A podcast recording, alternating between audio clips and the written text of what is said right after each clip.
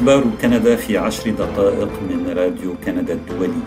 معكم فادي الهاروني وأهلا بكم في حلقة البودكاست الأسبوعية وإليكم العناوين. تكريم وفاة الملكة إليزابيث الثانية رسميا في مجلس العموم الكندي. مناظرة تلفزيونية أولى بين زعماء الأحزاب في كيبيك.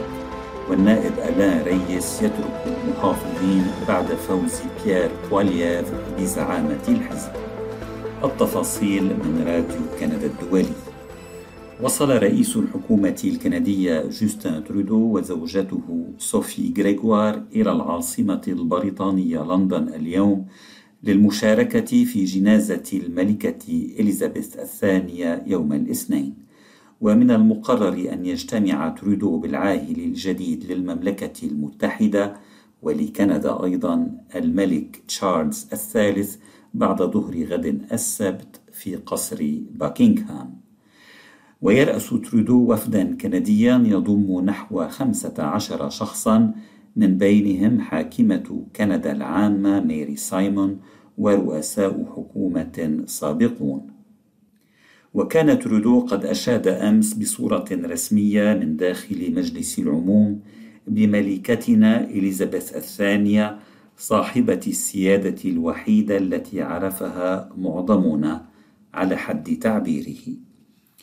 استخدمت عدة كلمات لوصفها الواجب والخدمة والتفاني والاستقرار قال ترودو عن عاهلة المملكة المتحدة رئيسة الدولة الكندية أيضا بموجب الدستور التي أسلمت الروح في الثامن من أيلول سبتمبر الجاري عن ستة وتسعين عاما وأضاف ترودو أن الملكة خلال حكمها الذي امتد على مدى سبعة عقود من الزمن كانت شاهدة على أحداث كبرى في تاريخ كندا مثل الذكرى المئوية لقيام الاتحادية عام 67 أو عملية نقل الدستور الكندي من المملكة المتحدة إلى كندا عام 82 كانت صاحبة الجلالة تشعر أنها في وطنها عندما تكون في كندا وهي زارت كندا أكثر من أي بلد آخر.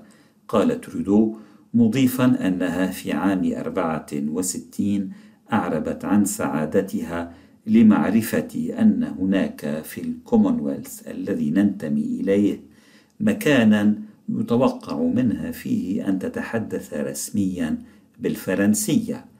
في إشارة إلى كندا حيث الفرنسية والإنجليزية هما اللغتان الرسميتان.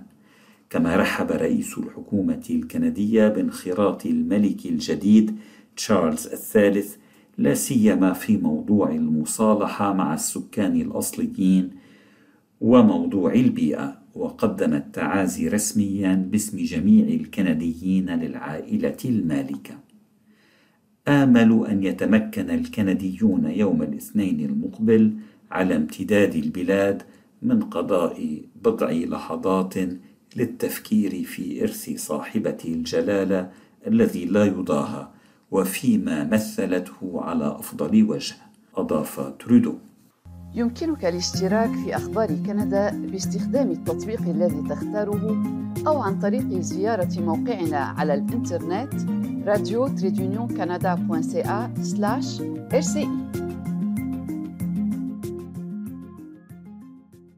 حصلت مساء أمس أول مناظرة تلفزيونية في الحملة الانتخابية في مقاطعة كيبيك بمشاركة زعماء الأحزاب الرئيسية الخمسة ونظمتها شبكة TVA ولم يكن مستغربا أن يكون رئيس الحكومة الخارجة زعيم حزب التضامن من أجل مستقبل كيبيك CAQ فرانسوا لوغو الهدف الرئيسي للهجمات خلال معظم المناظرة التي دامت ساعتين إذ جاءته من اليسار واليمين على حد سواء.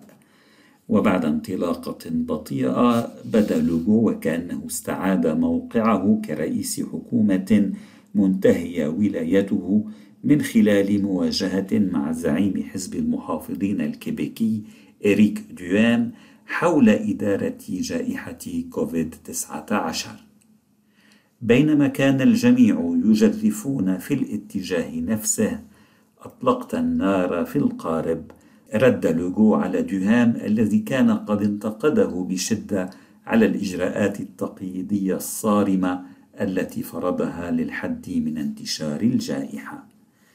لكن لوغو أمضى جزءا كبيرا من المناظرة في موقف دفاعي خاصة في قضايا البيئة ونقص العمالة.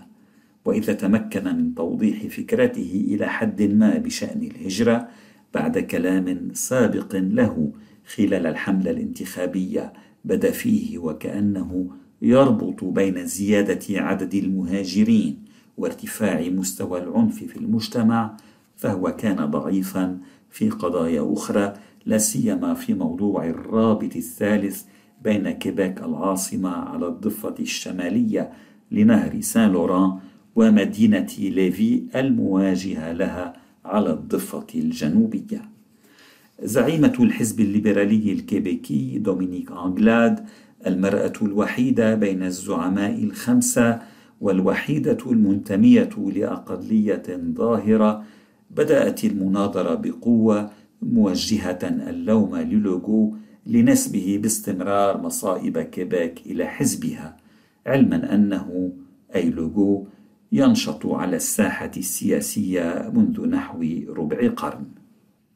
وإذا أظهرت زعيمة المعارضة الرسمية في الجمعية الوطنية المنحلة إتقانها الكبير للملفات فالنقاشات العديدة أمس حول الفرنسية اللغة الرسمية الوحيدة في كيبيك واللغة الأم لغالبية سكان المقاطعة وضعتها في موقف حساس.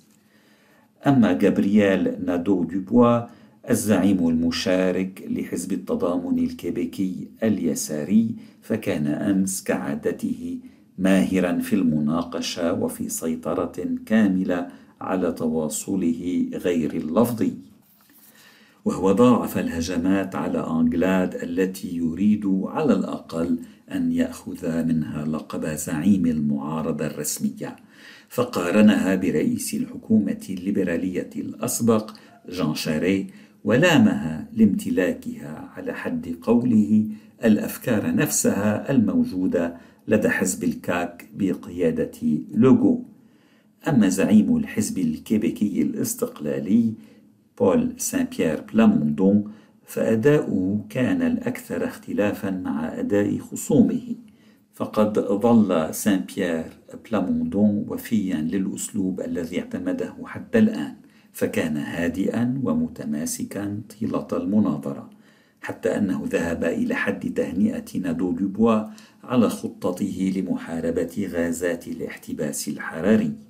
ويتوجه الكيبيكيون إلى صناديق الاقتراع في الثالث من تشرين الأول أكتوبر. أنت تستمع إلى البودكاست الأسبوعي من راديو كندا الدولي.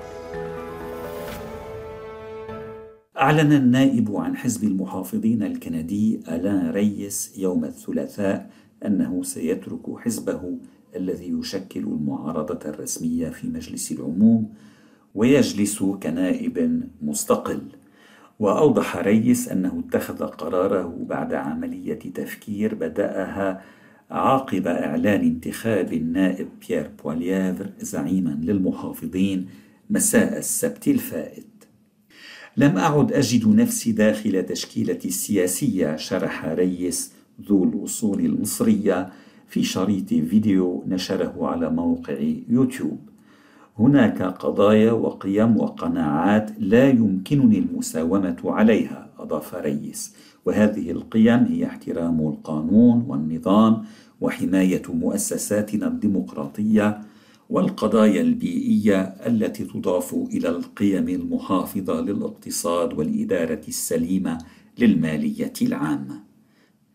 كما انتقد ريس بواليافر لدعمه قافلة الحرية في فصل الشتاء الأخير وضمت القافلة سائقي شاحنات وسواهم من المعترضين على الإجراءات التقييدية المفروضة من قبل السلطات للحد من انتشار الجائحة.